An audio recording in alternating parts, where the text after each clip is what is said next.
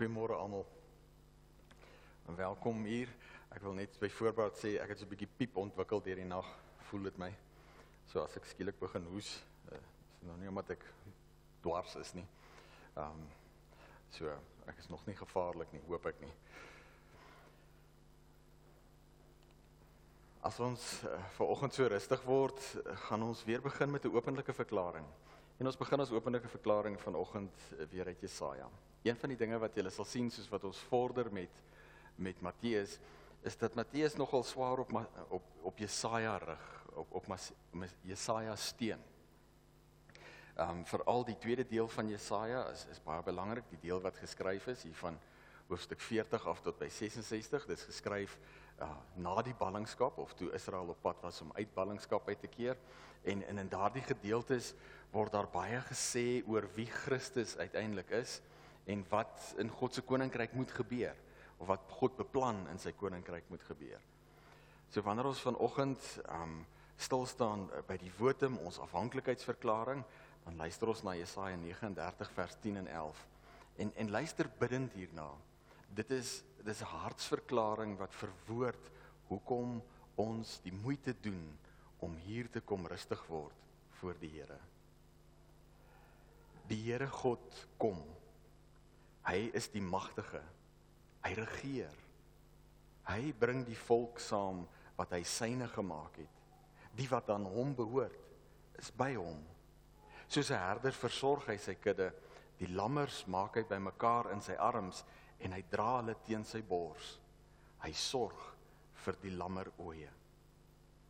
En daarom kom ons omdat ons by God daardie hulp gevind het. Hoor dan as God ons Vader, die magtige, ons seën met hierdie woorde. Genade en vrede vir jou van God ons Vader en die Here Jesus Christus. Amen. Kom ons verootmoedig ons voor ons Vader en ons sing saam van die onsse Vader bidend en daarna gaan ons stil staan by ons belydenis terwyl ons so sit.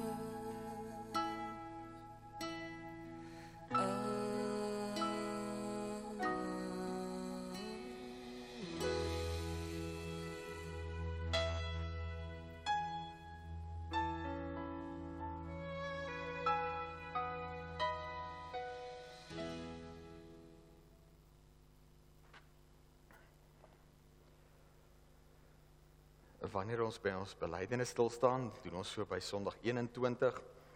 En ons maak net gou vir 'n oomblik weer vas. Wanneer ons na die groetseën luister, dan dan seën die Here, God ons Vader ons, maar dis altyd en die Here Jesus Christus. En die rede daarvoor is dat God het homself geopenbaar in die skepping. Ons kan die almag, sy almag, sy magtigheid daarin raak sien. Hy het sy wese en sy wil geopenbaar in die skrifte. Ons kan daarin leer wie God is, ons kan hom beter leer ken. Maar die hoogste openbaring van God se wese en wil is uiteindelik in Christus verwesenlik. Hy is te gelyk die seun van God en die seun van die mens. God en mens. Alles wat God tot vrug bring in hierdie tyd geskied in en deur Jesus Christus. En daarom wanneer ons ook die vraag vra wat ons glo as ons praat van die heilige algemene Christelike kerk, dan antwoord ons dit in in terme van dit wat God in Christus doen. En ons antwoord dat die seun van God uit die hele menslike geslag vir hom 'n gemeente wat tot die ewige lewe uitverkies is deur sy gees en woord in die eenheid van die ware geloof van die begin van die wêreld af tot die einde vergader beskerm en onderhou en dat ek daarvan 'n lewende lid is en ewig sal bly. Dis ons belydenis as ons dink oor kerk. As ons dink oor ons saam wees as gelowiges, dat dit nie net ons groepie hier is nie, maar dis elke gelowige vandag reg oor die wêreld. Dis elke gelowige oor alle tye heen wat hulle rus in God gevind het. Nou wanneer ons praat oor Jesus wat besig is om daardie kerk te vergader, om daardie gemeenskap van gelowiges te vergader en so sal ons sien ook vanoggend in die prediking weer maak hy soos wat sy Vader gedoen het en soos wat sy Vader mense geskep het om saam met hom te werk, om die skepping te onderhou, om daarin te werk, so roep Christus ons om saam met hom te werk in die uitbreiding van die koninkryk en die vergadering van die heiliges, van die wat tot die ewige lewe uitverkies is. En hiertoe maar het ons begin vasmaak in ons gemeente ook dat ons het 'n ons het 'n rol te speel daarin. Ons het bestaansreg. En om om om dit vas te lê, gaan ons weer die lied bring. Nee, spring ek nou vooruit. Gaan ons hierdie wonder van God wat ons nader getrek het, gaan ons God se naam voor groot maak. En ons doen dit deur saam te sing van bring lof aan die Vader en daarna luister ons na God se wil vir ons lewe.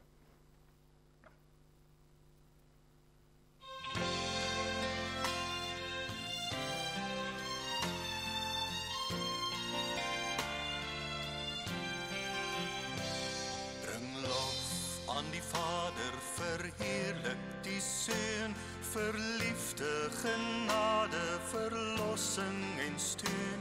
Dat elkeen wat glo nie verlore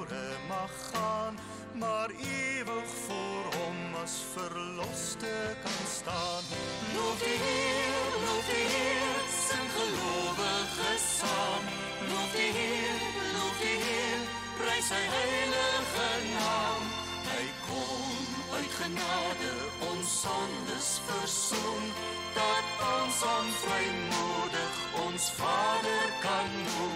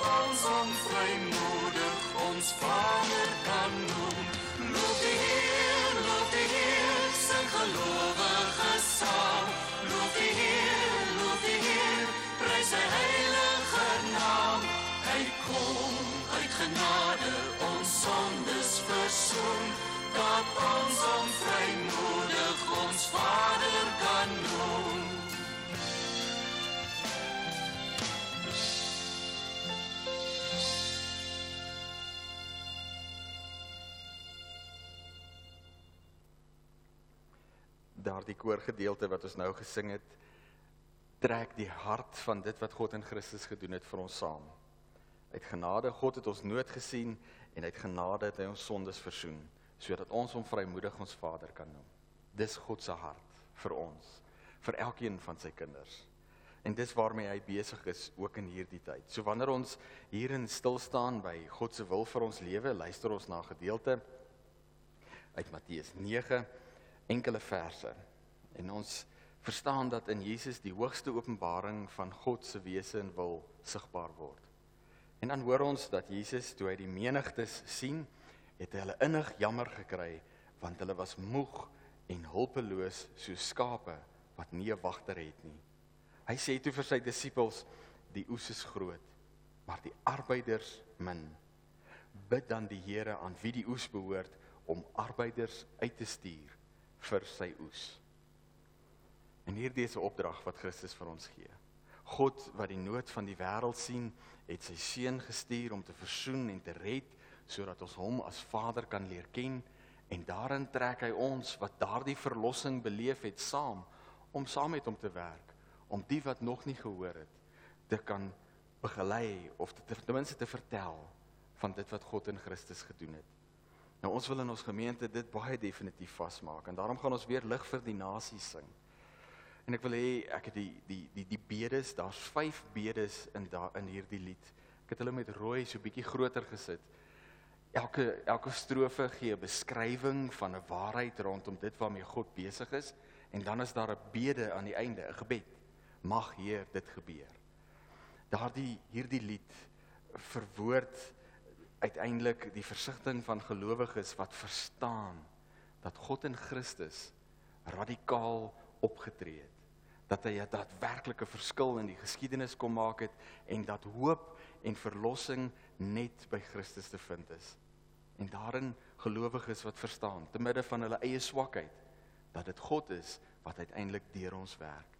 Kom ons sing dit bidend saam in antwoord op die wil van die Here wat sê dat ons moet bid vir arbeiders van die oes en daarna gaan ek vir ons voorgaan in gebed.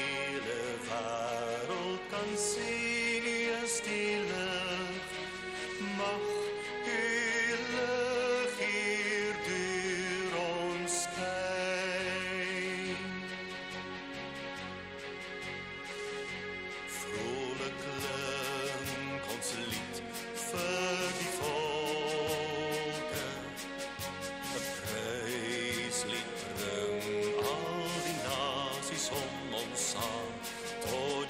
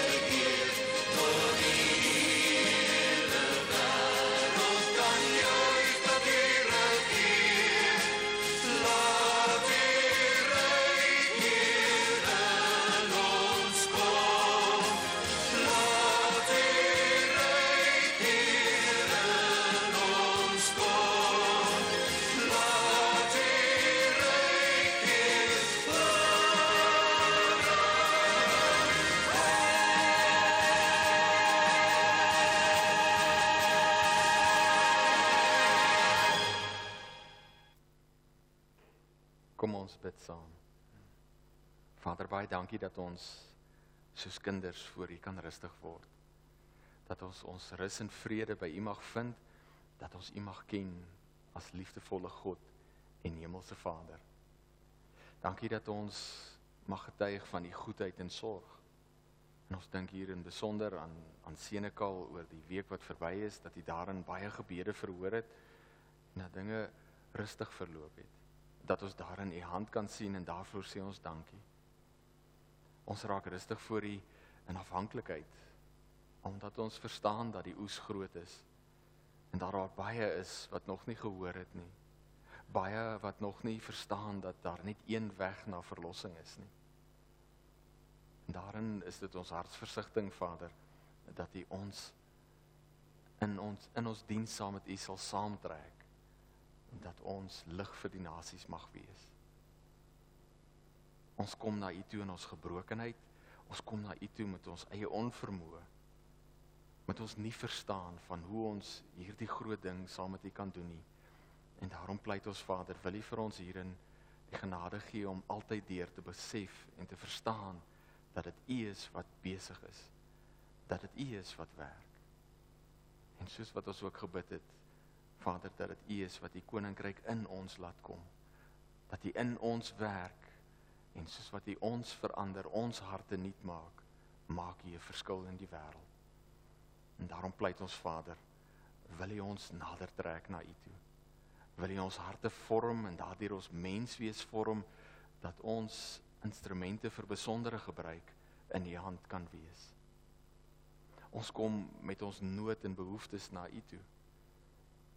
U ken die dinge, u weet die dinge waaroor ons besorg is, die dinge wat ons bang maak en die dinge wat keer dat ons baie keer met vrymoedigheid opstaan en voluit leef soos wat u bedoel het.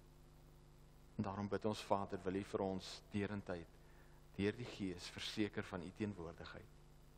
Ons wil in ons saam wees vir dan die Alma aan die opdra en ons pleit Vader dat U met haar sal wees.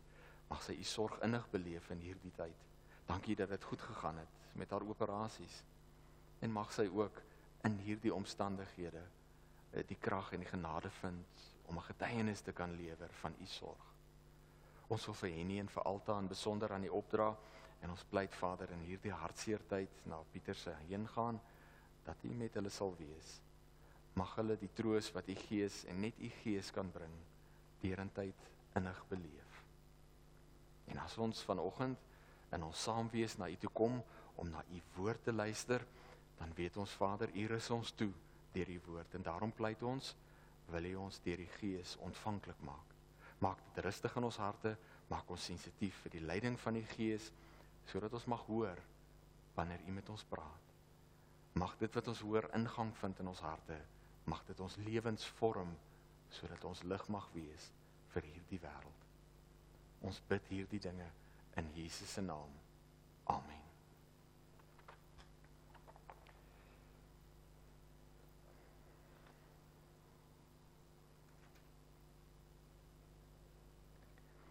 Ons luister na die woord van die Here uit Matteus 9 daarvan af vers 18. Jesus het nou net sy drie gesprekke klaar gemaak met die skrifgeleerdes, die fariseërs en Johannes die Doper se disippels en dan hoor ons Jesus was nog besig om dit vir die mense te sê toe daar 'n raadslid van die sinagoge voor hom kom kniel en sê my dogter het nou net gesterwe. Maar kom lê u hand op haar en sy sal weer lewe. Jesus het opgestaan en hy en sy disippels het saam met die man gegaan. 'n Vrou wat al 12 jaar lank aan bloedvloeiing gely het, het nader gekom en van agter af aan die soem van sy klere geraak. Sy het vir haarself gesê: "As ek maar net aan sy klere kan raak, sal ek gesond word." Jesus het omgedraai, haar gesien en gesê: "Wees gerus, dogter, jou geloof het jou gered." Van daardie oomblik af was die vrou gesond. Daarna het Jesus by die huis van die raadslid gekom. En toe hy die fluitspelers sien en die klomp mense wat te kere gaan, sê hy: "Gaan weg, want die dogtertjie is nie dood nie." Sy slaap net. Maar hulle het hom uitgelag. Nadat die mense uitgejaag was, het hy in die huis ingegaan, die dogtertjie se hand gevat en sy en sy is uit die dood opgewek. Berigte hieroor het deur die hele omgewing versprei. Terwyl Jesus daarvandaan verder gaan, het twee blindes hom gevolg. Hulle het aanhoudend geskree: "Ontferm U tog oor ons, seun van Dawid." Jesus het in die huis ingegaan en die blindes het daarna hom toe gekom. Hy vra toe vir hulle: "Glo julle dat ek dit kan doen?" "Ja, Here," antwoord hulle hom. Toe raak hy aan hulle oë en sê: "Wat julle glo, sal gebeur." Hulle kon toe sien, maar Jesus het hulle baie streng beveel: "Hiervan moet niemand hoor nie." Maar toe hulle daar weg is, het hulle in daardie hele omgewing van hom vertel. Nadat die twee blindes die huis verlaat het, het die mense 'n man wat na na hom toe gebring wat stom was, omdat hy in die mag van 'n bose gees was. En nadat die bose gees uitgedryf is, het die stom man begin praat. Die menigte het hulle verwonder en gesê: "So iets het nog nooit in Israel gebeur nie." Maar die Fariseërs het gesê: Dit is met die hulp van die aanvoerder van die bose geeste dat hy die bose geeste uitdryf.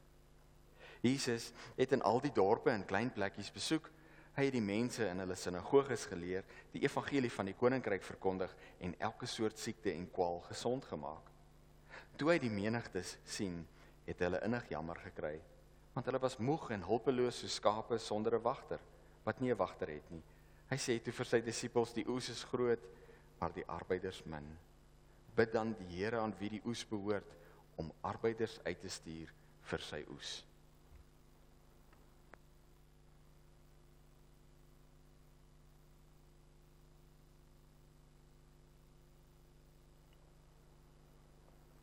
Die eerste stukkie waar ons gaan stil staan gaan elke Sondag min of meer dieselfde wees, want ons wil die verloop vasmaak van dit wat Matteus vir die eerste gemeente leer.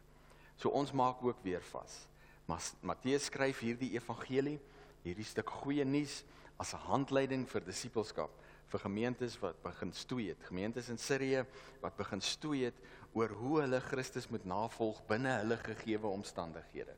Hulle is uit die sinagoges verban. Hulle was nie meer deel van hulle hulle um, natuurlike omgewing, sosiale omgewing nie.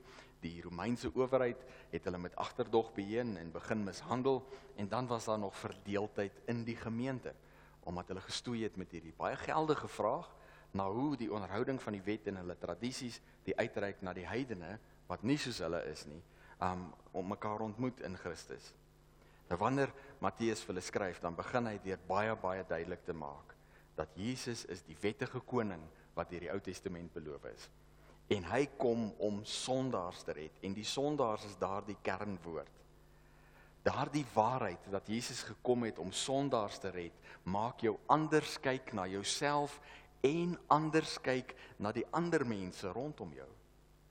As Christus gekom het vir sondaars, dan is sondaars kosbaar in die oë van die Here. En wanneer Jesus met hierdie dienswerk van hom begin, roep hy disippels, navolgers, mense wat hy op 'n pad vat van indiensopleiding sodat hulle vissers van mense kan word ter wille van al die nasies. En dan begin hy met daardie toerusting in die bergrede en hy verduidelik vir hulle dat jy die wet reg moet gebruik. Die wet is nie bedoel as die maatstaf waarmee jy ander veroordeel en afskryf nie. Die wet is die spieël waaraan jy na jouself kyk sodat jy jou sonde en ellende kan ken. En dan as jy jou sonde en ellende ken, die genade wat in die wonderwerke wat Jesus daarna gedoen het sigbaar word, dat God wil en kan jou verlos van sonde en dan kan jy ook weet, moet jy ook weet dat wanneer God jou verlos van sonde, verlos hy jou tot diens. Jy word verlos uit die vangstruk van sonde en dood sodat jy saam met hom kan werk aan dit waarmee hy besig is. So vissers van mense is dis disippels, navolgers wat weet dat verlossing alleen by Christus te vind is. Dis mense wat daardie verlossing by hom gevind het en daarom alles wat hulle is en het inspann om ander na Christus toe te bring terwyl hulle self na hom toe gaan. Nou verlede week het ons stil gestaan by die dinge wat kan maak dat iemand nie 'n visser van mense kan wees nie. En daardie die drie gesprekke met die skrifgeleerdes wat skrifkenners was, die fariseërs wat hulle toegelê het op die onderhouding van die wet en Johannes die Doper se se se disippels wat vasgehou het aan Johannes se tradisies. En daardie drie dinge is belangrik om te verstaan. Dis 'n verwronge skrifkennis 'n skrifkennis waarin ek net sekere dinge van die skrif vat en daarin myself regverdig en Christus en sondaars uiteindelik miskyk. Die tweede ding wat ons kan keer om 'n visser van mense te word is 'n verwronge idee oor ons eie vermoë om die wet te onderhou, oor ons toewyding. Waarin ek net 'n paar goeders wat vir my maklik is, kies en sê maar ek kom dit ten minste na, ek kan dit ten minste doen en dan word dit my verontskuldiging. Ek regverdig myself daarmee en dan kyk ek Christus en sondaars mis. En dan die derde een wat in sy gesprek met Johannes se disippels sigbaar geword het, is die die die tradisies wat vloei vanuit hierdie skeefgetrekte skrifkennis en skeefgetrekte idee van ons vermoë om die wet te onderhou. Daardie tradisies wat dan my anker en sekuriteit in die lewe word. Tradisies wat uiteindelik maak dat ek myself regverdig, Christus en Christus en die sondaars miskyk. En wat hier belangrik is is om te verstaan is dat in al drie kyk ek Christus mis en ek kyk die sondaars mis, myself ingesluit. Wanneer ek my sekerheid vind in 'n stukkie van die skrif, in 'n stukkie van my vermoë om die wet te onderhou en daaruit vloeiende tradisies, dan het ek nie 'n verlosser nodig nie. So wanneer jy daar kom, is jy op 'n baie slegte plek. So waar ons nou kom is na hierdie gesprek vind daar 'n paar wonderwerke weer plaas. Wonderwerke wat spesifiek genoem word. Die vrou wat aan bloedvloeiing gely het. Maar wat so so oortuig was dat Jesus haar kan genees, dat sy gereken het ek moet net aan sy klere kan vat, dan sal ek gesond wees. En dit was so vir haar. Daar's die raadslid van die sinagoge. En vir hierdie man om op te staan en na Jesus toe gaan, was nogal 'n groot uitdaging want die mense het klaar begin, die Joodse raad het klaar begin frons oor Jesus. Maar hy gaan. Hy is so oortuig van sy saak dat Jesus sy dooie dogter kan opwek dat hy vir hom sê as jy net u hand op haar lê, sal sy gesond word. Hy was oortuig en dit was vir hom ook so. Sy is opgewek. Twee blindes agtervolg Jesus en vra en smeek om genade en Jesus vra vir twee blinde mense, "Wat wil julle hê moet ek doen?" En dan vra glo julle dat ek dit kan doen? En hulle antwoord ja. En dan sê Jesus soos wat julle glo, so sal dit wees. Hulle was oortuig geweest dat Christus hulle kan genees en vir hulle was dit so. En dan bring die mense 'n stom man wat in die mag van bose geeste was na Jesus toe. Hulle was oortuig dat Jesus hierdie man kan genees, dat hy weer gesond kan word en hy het gesond geword. Jesus het elkeen van hierdie mense genees. En dan moet ons vasmaak nie op grond van die krag van hulle geloof nie, nie op grond van hulle eie prestasie nie. Jesus genees hulle want dit is waarmee hy besig is. Dit is hoekom hy gekom het. Hy het gekom om die nood van die wêreld aan te spreek. En in hierin word die genadejaar van die Here duidelik gemaak, soos wat Jesaja dit vooruit gesien het. So daardie gedeeltes waar ons in die dagstukkies hierdie week stikkel stil gestaan het by Jesaja 58 en Jesaja 61 is die gedeeltes wat Jesus aanhaal uh, toe hy in die sinagoge in Nasaret uit Jesaja uitgelees het. Die genade, die gees van die Here is op my en die genadejaar van die Here het aangebreek. So wanneer Johannes die Doper se disippels, wanneer Johannes in die tronk gegooi word, dan stuur hy vir um, sy disippels na Jesus toe. Hy's onseker want dit wat hy gedink het gaan gebeur wanneer Jesus kom dat die nuwe ryk sou aanbreek het nou nie regtig gebeur nie hy sit in die tronk en dan stuur hy sy disippels na Jesus toe en hy gaan vra vir Jesus um is u die een wat ons moes verwag het of moet daar nog 'n ander een kom en Jesus antwoord hulle gewoon deur vir hulle te sê gaan vertel vir Johannes wat julle sien en hoor blindes sien dowes hoor verlamdes loop weer dooies word opgewek Jesus wys vir die disippels op hierdie werke van hom. Sy wondertekens was die goddelike bewys en bevestiging dat hy is wie hy sê hy is. Hy is die seun van God wat te gelyk die seun van die mens is. Hy is die wettige koning wat hierdie Ou Testament beloof is. Nou wat vir die eerste gemeentes en vir ons verskriklik belangrik is om raak te sien hier is die verskillende reaksies op dit wat Jesus gedoen het. Wat was die reaksie van die wêreld om hom op hierdie wonders? Die wat genees is, het vertel. Hulle kon nie anders nie. Hulle kon nie stil bly nie. Hulle moes net gewoon die goeie tyding deel. En selfs ten spyte daarvan dat Jesus vir die twee blindes sê, moet vir niemand gaan vertel nie, gaan hulle, want hulle kan nie. Hulle kan nie stil bly oor dit wat hulle beleef het nie. God het hulle verlos. Die wat getuies was van die wonderwerke was verwonderd omdat so iets nog nooit in Israel gebeur het nie. En die in die kruks hier gaan uiteindelik dit wees wanneer God besig is en iets doen in ons wêreld, kan jy nie onaangeraak daardeur wees nie. Selfs vir die wat net getuienis was, was daar getuies was, was daar hierdie verwondering oor dit waarmee God besig is. Maar dan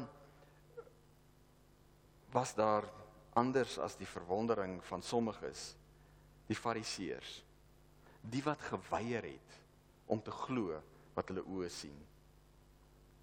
En daar's 'n paar dinge wat ons moet vasmaak wat hulle tot hierdie wat tot hierdie onwilligheid bygedra het. En lees ons die res van Matteus, dan gaan ons sien dat hierdie dinge nogal mooi saamtrek met daardie drie goeders wat keer dat jy 'n visser van mense kan wees.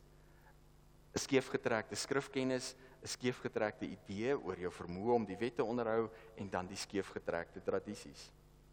Jesus se uitleg van die skrif het het het die mense verstom want hulle het gesê daar was nog nie iemand wat met wat met soveel gesag oor die skrif gepraat het nie. Hulle was verwonderd oor die manier waarop hy die mense geleer het. Maar die skrifgeleerdes en die fariseërs het nie hiervan gehou nie. Jesus het dinge gesê soos die Sabbat is vir die mens gemaak en nie die mens vir die Sabbat nie. Me Jesus het gesê dis nie wat in die mens se mond ingaan wat hom onrein maak nie, maar wat by die mond uitkom wat hom onrein maak. Jesus het gesê die grootste in die koninkryk moet die kleinste word en almal dien. En hiervan het hulle glad nie gehou nie, want hulle het net mooi die teenoorgestelde geglo. En dan was daar nog Jesus se toewyding aan die wet. Nou Jesus se toewyding was anders as ons toewyding. Hy was die volmaakte seun van God. Hy het nie die wet oortree nie. En daarom sien ons dat die skrifgeleerdes en die fariseërs later baie moeite gedoen het om iets te kry om hom uit te vang om hom vas te trek sodat hulle hom kon oorlewer aan die owerhede. En as ons dan nou uiteindelik by sy verhoor kom, dan sien ons dat hulle eintlik met 'n politieke spel besig was omdat hulle nie regtig iets kon kry waarom hulle hom kon veroordeel het nie. Hy was 'n regverdige man. En dit het hulle in die krop gesteek.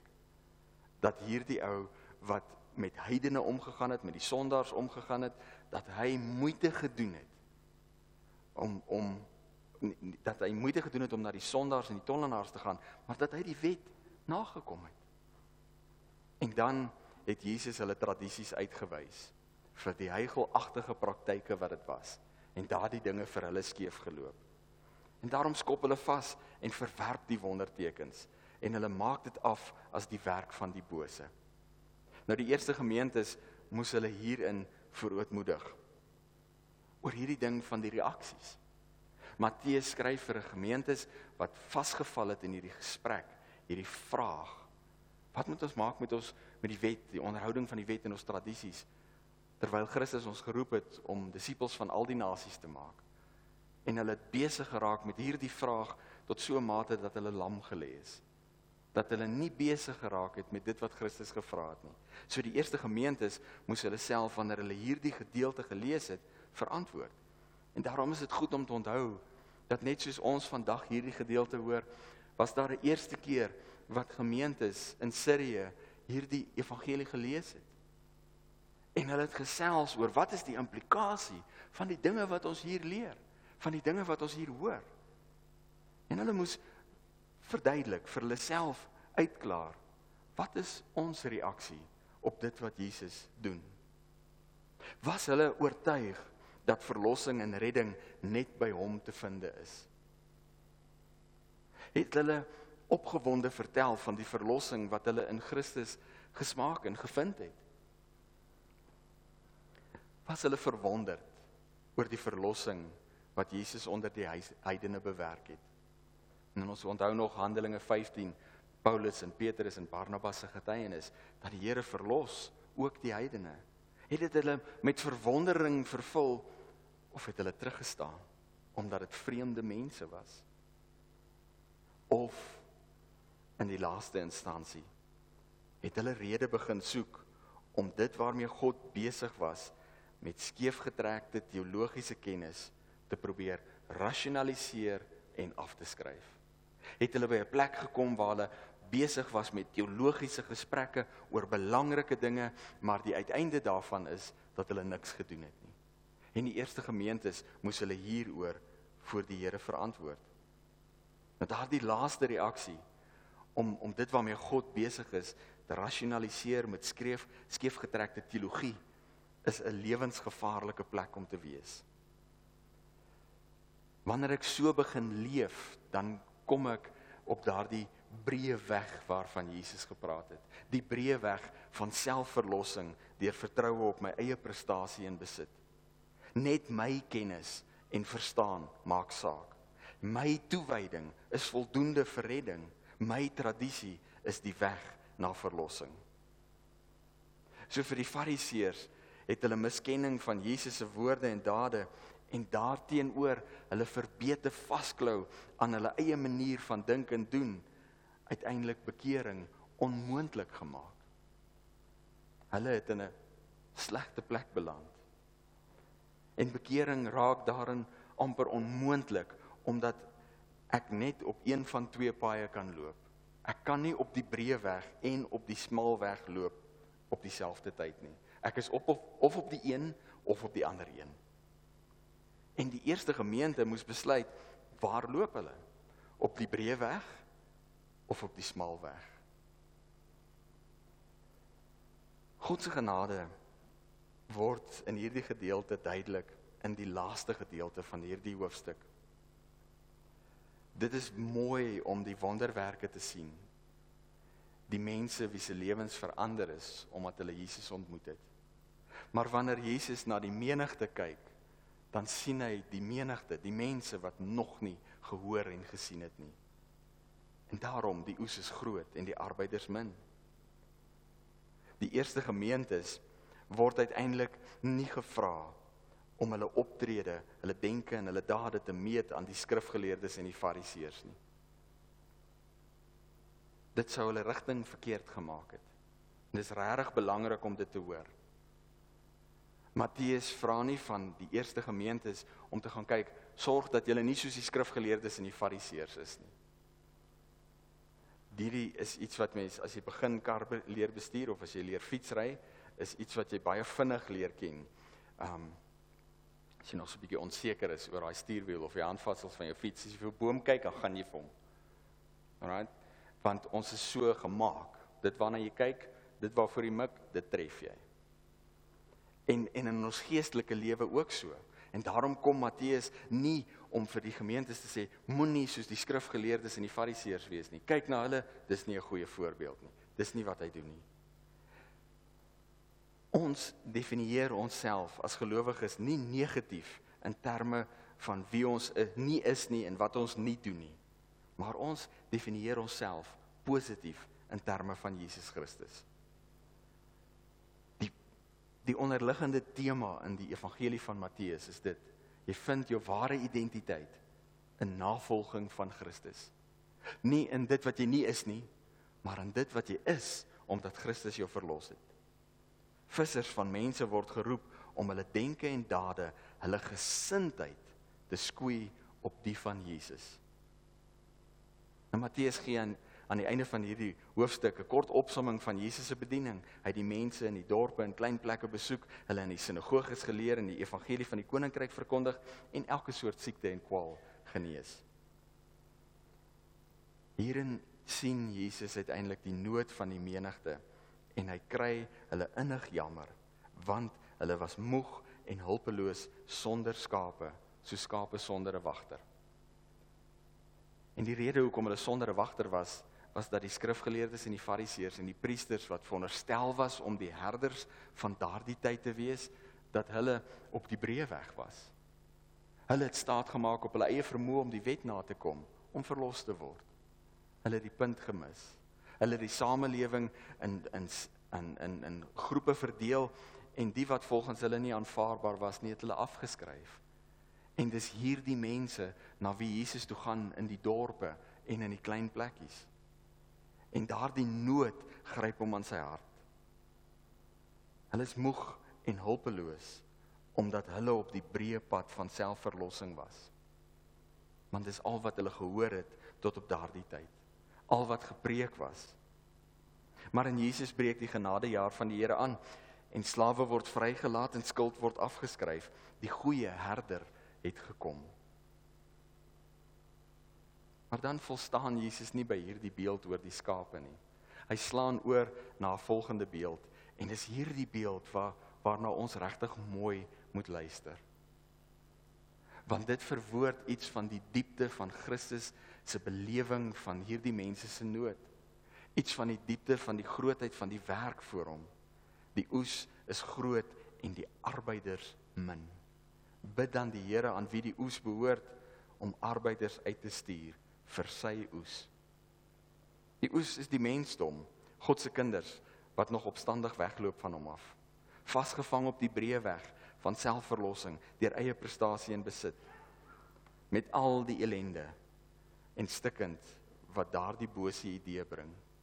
Mense wat elke dag opstaan en hard probeer om 'n lewe te maak op 'n manier waar God nie ingereken word nie. Maar dit is uiteindelik nie net die groot oes God se kinders wat ons aandag moet trek nie. Agter hierdie beeld van Jesus lê 'n besondere groot waarheid opgesluit, 'n geïmpliseerde waarheid wat die eerste hoorders makliker verstaan het as wat ons dit verstaan het. Wanneer stuur 'n mens arbeiders in die oes in? Jy stuur arbeiders in die oes in as die oes ryp is. Nou vir ons vandag is dit nou nie baie moeilik nie. Ons het groot stroopers en ons kan met 'n paar stroopers baie mense se werk doen. In daardie tyd het hulle met die hand geoes.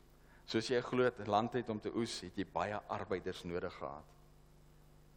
Stuur arbeiders vir die oes. Die oes ons stuur hulle in as die oes ryp is. En wanneer is die oes ryp? As jy met koring praat, dan is dit wanneer dit goudgeel is dan is dit ryp. Dan is dit reg om geoes te word. Die vraag is hier, wanneer is die oes ryp vir mense? Wanneer in ons lewe is die oes ryp? Die oes is ryp wanneer ons by daardie bankrotpunt van moeg en moedeloos kom, so skape sonder 'n herder. Wanneer my planne en dinge nie meer werk nie, nie genoeg is nie, nie uitwerk nie. Wanneer dit my lewe en wêreld net stikkender en stikkender maak. Wanneer my lewe en my wêreld in mekaar begin val en dit voel of daar nie meer hoop of uitkoms is nie. Kortom, wanneer my sonde en ellende my so inhaal dat ek nie meer kan ontken of misken dat my sonde en ellende my ingehaal het nie. Dit is dan op daardie punt, op daardie plek wat ons ontvankliker raak vir ander raad en aanwysings na 'n nuwe pad. In ons tyd is een van die teologiese argumente wat die meeste veld wen, is voorspoedsteologie. En ons staan baie keer verbuisterd ons as gereformeerdes omdat ons van kindsbeen af onderlê is in die gesonde leer. Ons staan verbuisterd oor die dinge wat mense doen. Ons onthou nog die doemprofeet. Iemand wat sy lidmate met doem gespuit het want as hulle genoeg glo sal die gif hulle niks maak nie. En ons kan nie verstaan hoe mense by daardie plek kan uitkom nie. Maar die rede hoekom mense gryp na hierdie uitkoms is omdat hulle tot die punt gekom het om te besef dat hulle manier nie werk nie. En nou is hulle ontvanklik vir nuwe raad, vir ander raad. Maar wat as dit die verkeerde raad is? Mense wat in 'n slegte posisie is, dink nie altyd oor die kwaliteit van raad wat hulle kry nie. As jy verdrink, sal jy aan 'n tou vasgryp wat verbykom of aan 'n slang wat verby swem. Jy gaan gryp na iets wat uitgegooi word. Dis gewoon menslike natuur. En daarin Christus se versigtiging dat die Here van die oes sy arbeiders in die oes sal instuur. En dis om die rede wat ons die week ook by Jesaja 58 en 61 stil gestaan het. Die Jode het op die punt gestaan om terug te keer na Jerusalem. Maar hulle het oor die laaste 70 jaar gevestig geraak en die meeste van hulle wou nie terugtrek na Jerusalem toe nie. Maar as ons luister na dit wat Jesaja beskryf, het dit nie goed gegaan in die Joodse gemeenskap nie. Baie het in daardie 70 jaar in Babel begin leef asof die Here nie daar is nie. En alhoewel hulle die offers en die feesdae bly vier het, het hulle alledaagse lewe ontaard in gruwelike onreg en vergrype. So wanneer jou lewe en wêreld omgedop word en die mekaar raak, dan is die oes ryp. En so was dit in daardie tyd ook. Die volk het begin vra vra, hoekom vas ons en die Here hoor ons nie? Hy verhoor nie, hy sien nie raak dat ons vas nie. Hoekom bid ons en die Here maak nie een nie antwoord nie? Het die Here ons vergeet? Hulle het begin stoei met hierdie waarhede.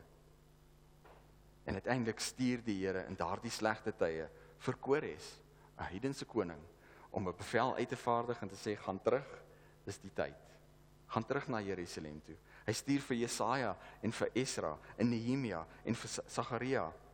Hy stuur hulle in die oes in om die pad die regte pad vir sy kinders te wys. En wanneer ons dink aan die eerste gemeente, het hulle ook die de mekaar van so onderste bo lewe en wêreld beleef. Hulle is verban uit die sinagoge, verban uit hulle sosiale netwerke, uit hulle familienetwerke.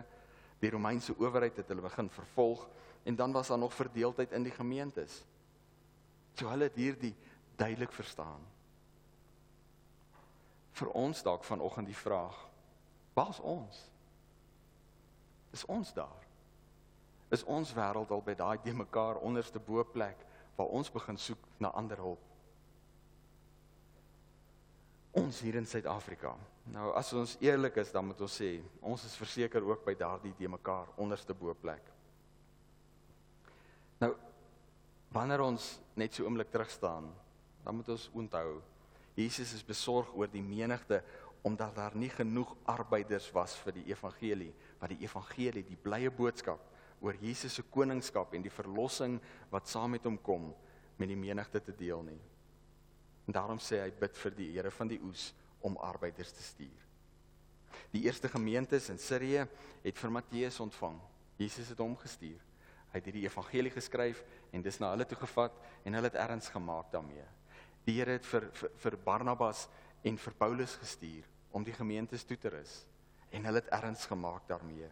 Hulle het die goeie nuus gehoor, dit ter harte geneem en gehoorsaam aan die koning begin om saam met hom te werk om die oes in te bring.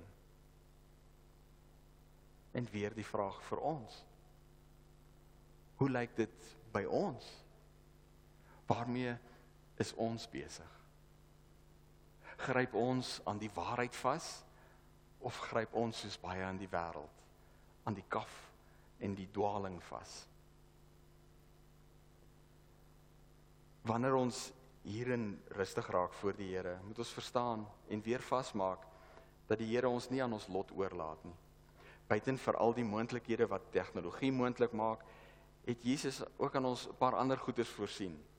Ons het die skrif, ons het die Bybel in ons eie taal. En dit is nie net soos in China een Bybel wat deur 'n klomp mense gedeel word nie, bladsytjie uitgeskeur en daar gaan jy nie. Van ons het meer as een Bybel in ons huise. Ons het die voorreg om elke week die woord te hoor, so saam te kom, toegespits, die woord toegespits op ons op ons lewe en omstandighede. Ons het die vryheid om as kinders van God voluit saam met hom te leef en te werk sonder vrees vir vervolging in hierdie land. Ons is om dit kortweg te sê, begenadig. Maar wat van die menigte? Wat van die mense daar buite? Wanneer Jesus verlos, is dit sodat ons herstel in ons verhouding met God ons Vader saam met Christus kan begin werk om die oes in te bring, om te midde van die de mekaar en die onderste bo die evangelie van die koninkryk hoorbaar, sigbaar te maak. En daarom kom die vraag wat die eerste gemeente mee moes worstel en moes antwoord ook na ons gemeente toe. Is ons oortuig dat verlossing en redding net by Jesus te vind is? Vertel ons opgewonde oor die verlossing wat Jesus onder die heidene bewerk. Vertel ons opgewonde van die verlossing wat ons self in Christus gevind het.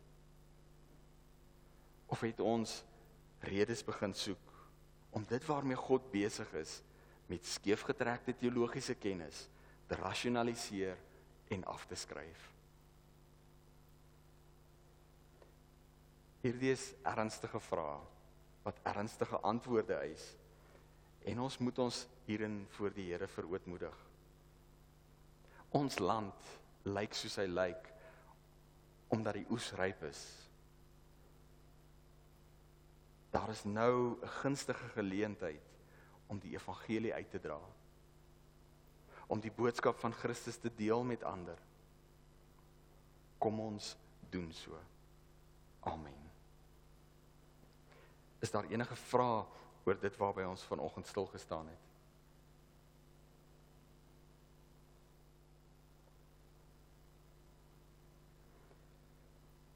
Dankie. Kom ons antwoord op gebed, in gebed op die Here en ons doen dit deur saam te sing van hierdie lied doen slegs u wil Heer.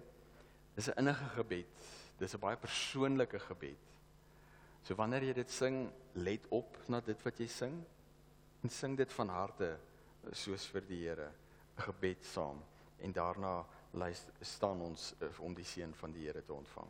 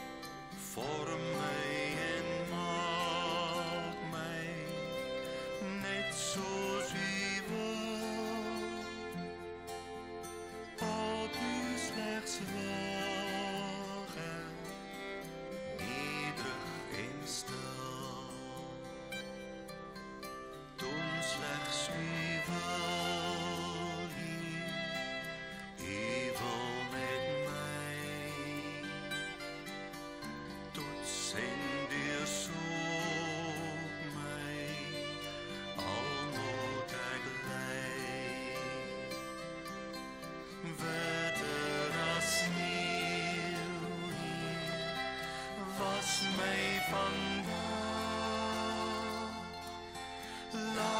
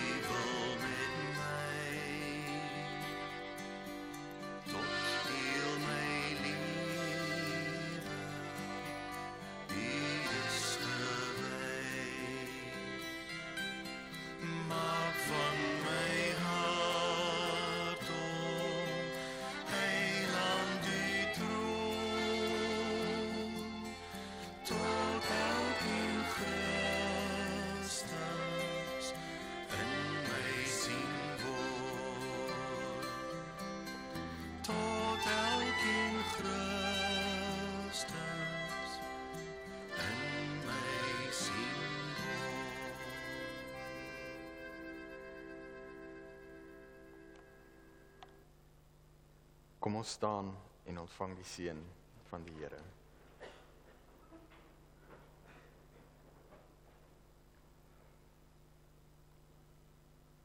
Die genade van ons Here Jesus Christus en die liefde van God, ons hemelse Vader, en die gemeenskap en troos en leiding van die Heilige Gees is met u elkeen.